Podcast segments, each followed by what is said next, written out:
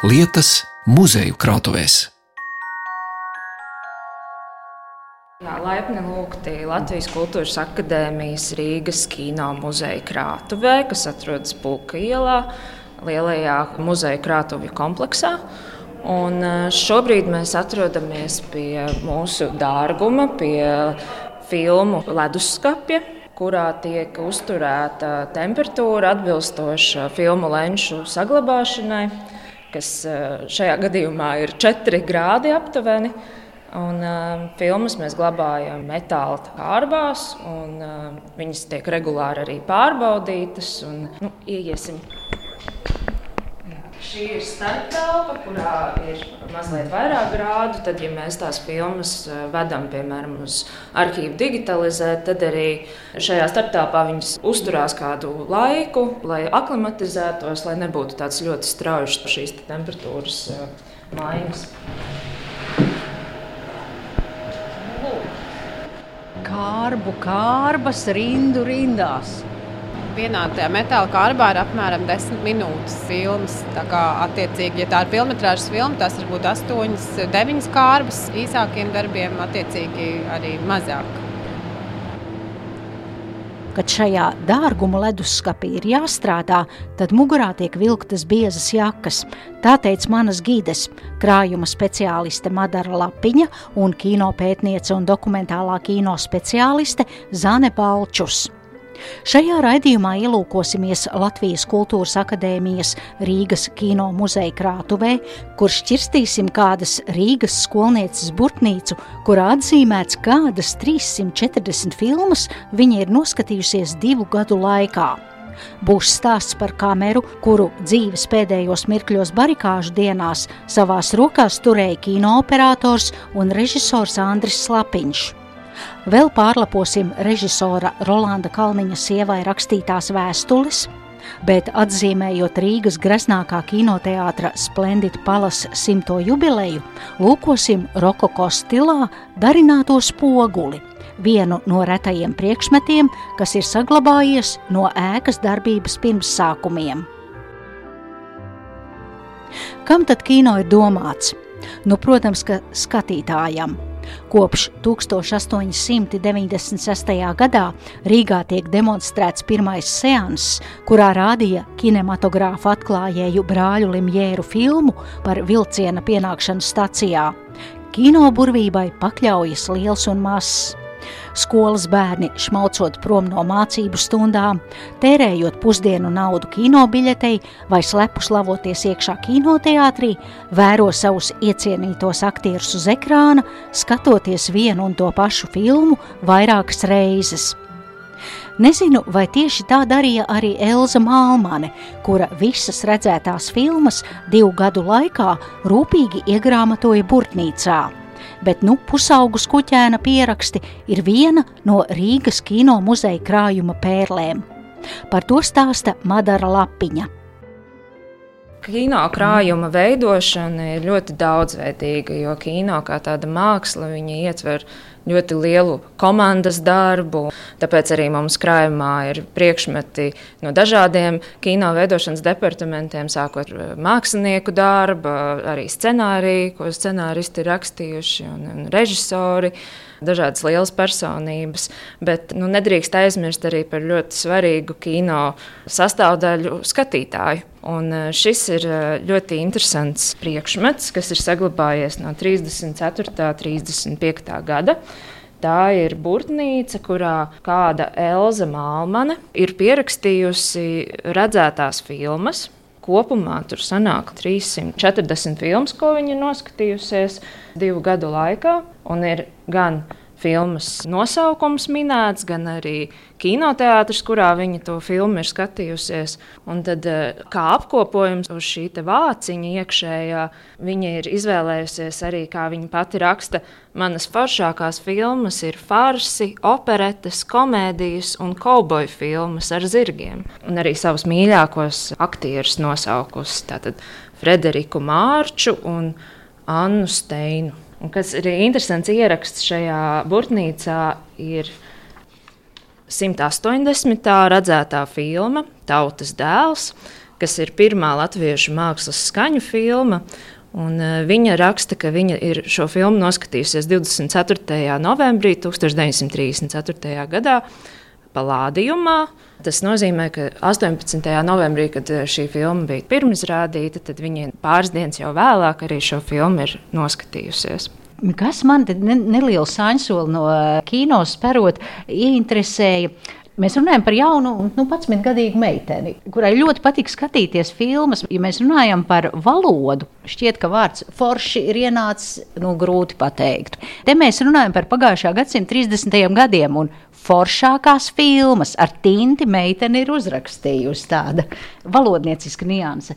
Tā, un pirmā filma - Tuksneša mīlas dziesmas. Un to noskatīsies Kino Grand. Tie visi ir Rīgas kinoteātri to laiku. Etna, Progress, jā, tie ir kinoteātrī. Apollo, Dienvidpols, jā, Etna, Orients, Skala. Vai jūs kaut ko zināt par šo cilvēku un kā pie jums nonāca šāda burtnīca? Diemžēl nē. Arī ļoti daudz patiesībā kino muzeja sākotnēju materiālu ienāca muzeja krājumā, muzeja sākotnējā darbības posmā, kad uh, kino zinātnieki Inga Pērkona Radoviča un Agris Radovičs veidoja kino muzeja krājumu ļoti apzināti, un arī šis materiāls arī saistās ar to laiku, bet uh, pagaidām mums nav vairāk informācijas tieši, kas ir rakstījis šo burtnīcu, bet uh, tā tiešām kalpo par tādu ļoti interesantu liecību, kas parāda no vienas puses to, cik eh, kino apmeklēšana bija tāda aizrautīga nodarbošanās. Un eh, to, cik populārs arī bija kino tajā laikā, un mēs redzam, cik plašs tajā laikā ir kino repertuārs. Tā saka kino pētniece Zane Balčus, piebilstot, ka šī burtnīca ir liecība nevien tikai par kinematogrāfu, bet arī par pirmo neatkarīgās Latvijas laiku. Paramonta jaunākās sensācijas, institūta audzēknes un virsnieka skaistuļa mīlas romāns. Īstas un cēlas mīlas drāma, par kuru nevalda ne laiks, ne aizspriedumi, ne aklais naids. Tādi saukļi uz filmu plakātiem kinoteātros vilināja gan jauno Elzu, gan tūkstošiem citu skatītāju 30. gadu Latvijā, kad šādus eksaltētus teikumus drukāja uz filmu afišām.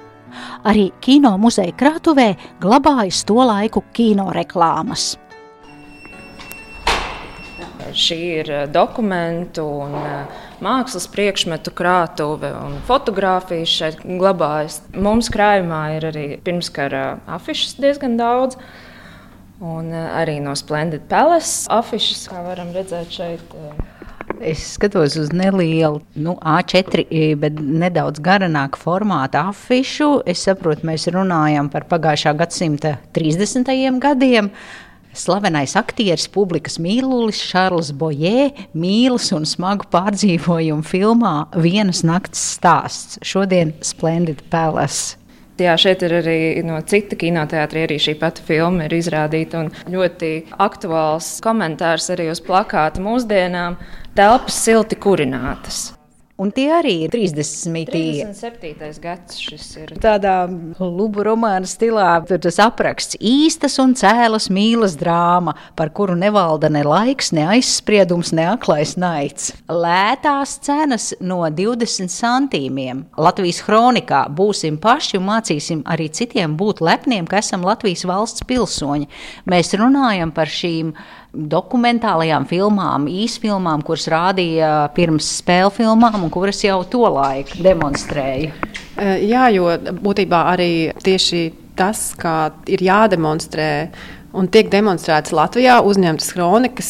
Tā bija tāda ierasta prakse Latvijas kinoteātros tajā laikā, kas arī bija noteikts ar likumu, kā ir jārāda tieši Latvijā uzņemta kronika.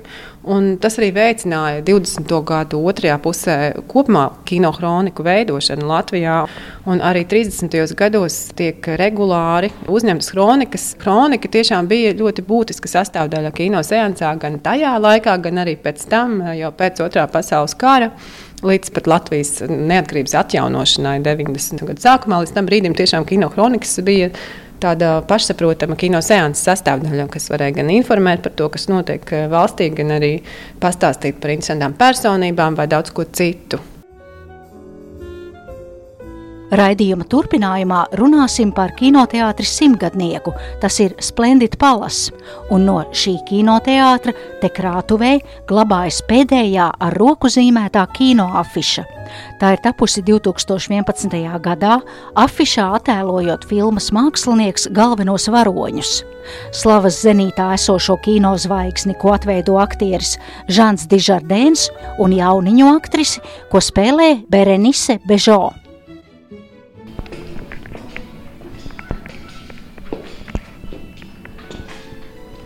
Var redzēt, ka laikapstākļi ir, protams, skāruši šo darbu. Noticējumi no lietus, jo šīs afišas bija uz ielas, ārā pie kinoteātra. Un e, šī konkrētā filma bija filma Mākslinieks, kas saņēma arī Oskara balvu. Tā bija tāds tā veltījums mēmā kino periodam. Un tā pārējai uz skaņu kino un e, visam tam, kas tai sekoja Holivudā, kādas pārmaiņas. Un arī pati filma ir tādā mēmā kino estētikā uzņemta. Bet var teikt, ka vienīgais, unikālais un pēdējais plakāts ko ir zīmējis Splendid Palace kino afišu mākslinieks Artis Koknevičs un afišu mākslinieks otrajā paudzē, jo viņa tēvs Kārlis Koknevičs arī zīmē kino plakātu. Nu, jā, jo tas arī liecina par tādu arī noteiktu laikmeta iezīmi, kā filmas tika reklamētas, un arī to tiešām, cik šis cilvēka roku darbs eh, bija svarīgs eh, šajā afišu radīšanas procesā. Arī man šķiet ļoti interesanti vērot, kā dažkārt šis fotogrāfiskais attēls kā tas izskatās salīdzinājumā ar to, kādu mākslinieks ir radījis šo glezniecisko tēlu. Un šis, protams, ir tiešām tāds liekas, ļoti būtisks priekšmets, kas parāda, nu, arī būdams tieši tāds kā pēdējais plakāts, kas ir šādā veidā ticis veidots eh, kinoteātris repertuāra atspoguļošanai. Tas tagad ir šeit, un tas ir saglabāts kā liecība par noteiktu laika filmu mārketingu.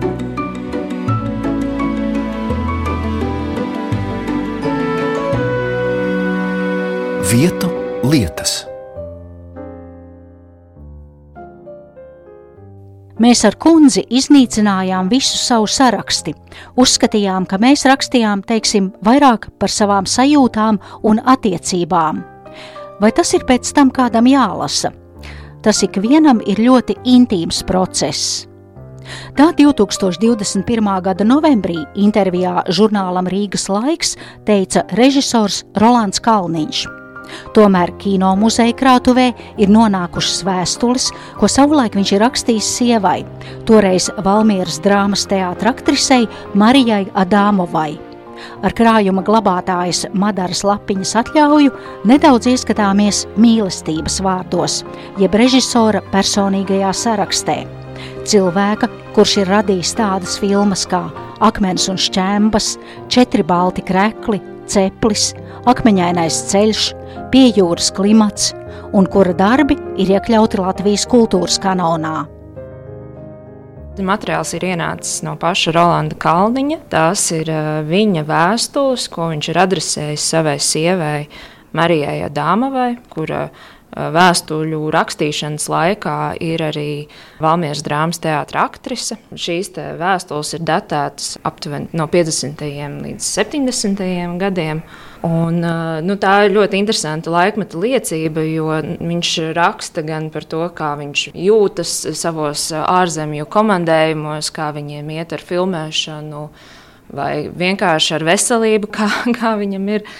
Un šajās vēstulēs arī atspoguļojas ļoti skaists attiecības stāsts starp Rolandu un Mariju. Un, viņš ir veltījis ļoti daudz skaistu vārdu, un es citēšu no vēstules.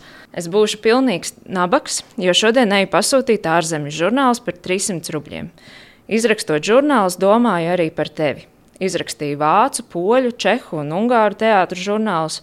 Es taču zinu, ka tu interesējies par visu, kas saistīts ar teātri. Tu neesi aprobežota meitene. Tu esi intelektuāla sieviete, kas saista nevien ar savu sievišķīgo šarmu, bet arī ar domu plašumu, domu dziļumu. Tu neesi tikai lēlīte, ar kuru patīkami paspēlēties, bet arī palīgs darbā, sieviete, kurai ir sava doma, ideja. Paldies, es to nekad neaizmirsīšu, jo mīlu tevi. Un e, šos vārdus viņš raksta 50. gadā, kad viņi vēl nav apprecējušies.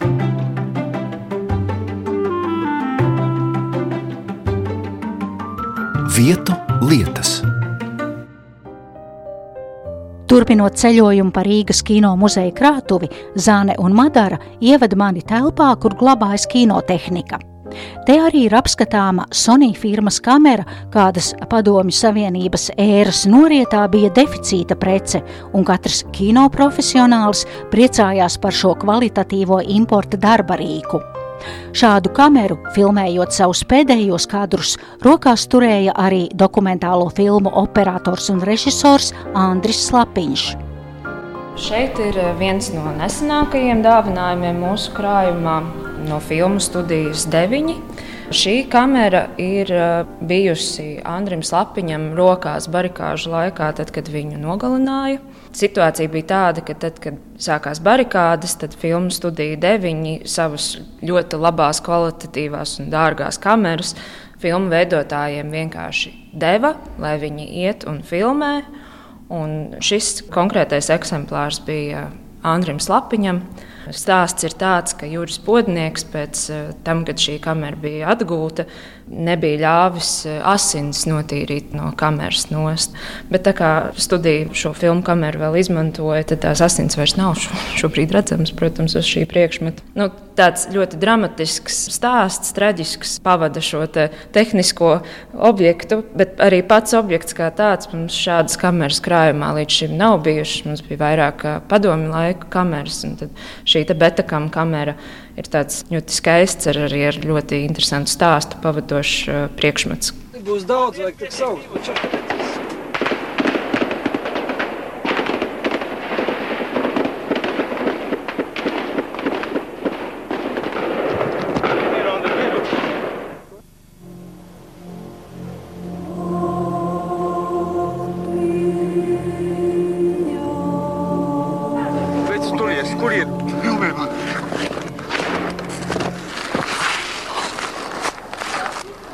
Yeah. Yeah.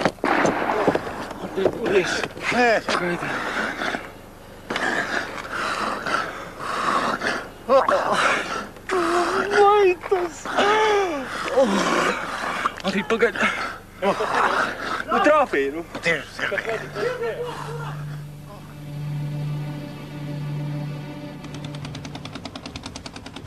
Domāju, tagad atnāk šodienas jaunieši, viņi ierauga to kameru kaut vai tīri tehnoloģiski, zinot, ka tagad mēs varam filmēt ar vietāluņiem. Tie kameras koferi apmēri pārsteidz, cik tomēr bija arī smaga tāda kamera, ko plecā vajadzēja nest. Nu jā, tas tiešām arī nu, šis eh, fiziskās sagatavotības un izturības eh, aspekts tieši operatoru profesijā, es domāju, vienmēr ir bijis arī cauri laikam skatoties, tas ir bijis ļoti, ļoti būtisks, jo arī, teiksim, šīs te beta kameras, kas ir jānes uz pleca un arī citas pirms tam šīs arī filmu kameras un kā operatoriem ir bijis jāstrādā, nu, jā, tas ir tāds arī fiziski ļoti ietilpīgs un spēku prasoša lieta.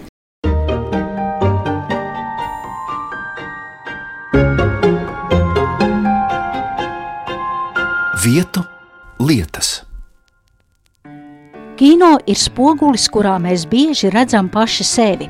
Tā teicis meksikāņu kino režisors Alejandro González Injaritu. Savukārt kinoteātrī Splendid Palace ir spogulis, kurā iespējams ir palūkojušies visi iepriekš minētie cilvēki. Jo šis priekšmets atrodas ēkā kopš tās uzbūvēšanas pirms simts gadiem. Precīzāk, kopš 1923. gada 30. decembra, kad atklāja šo kinoteātri.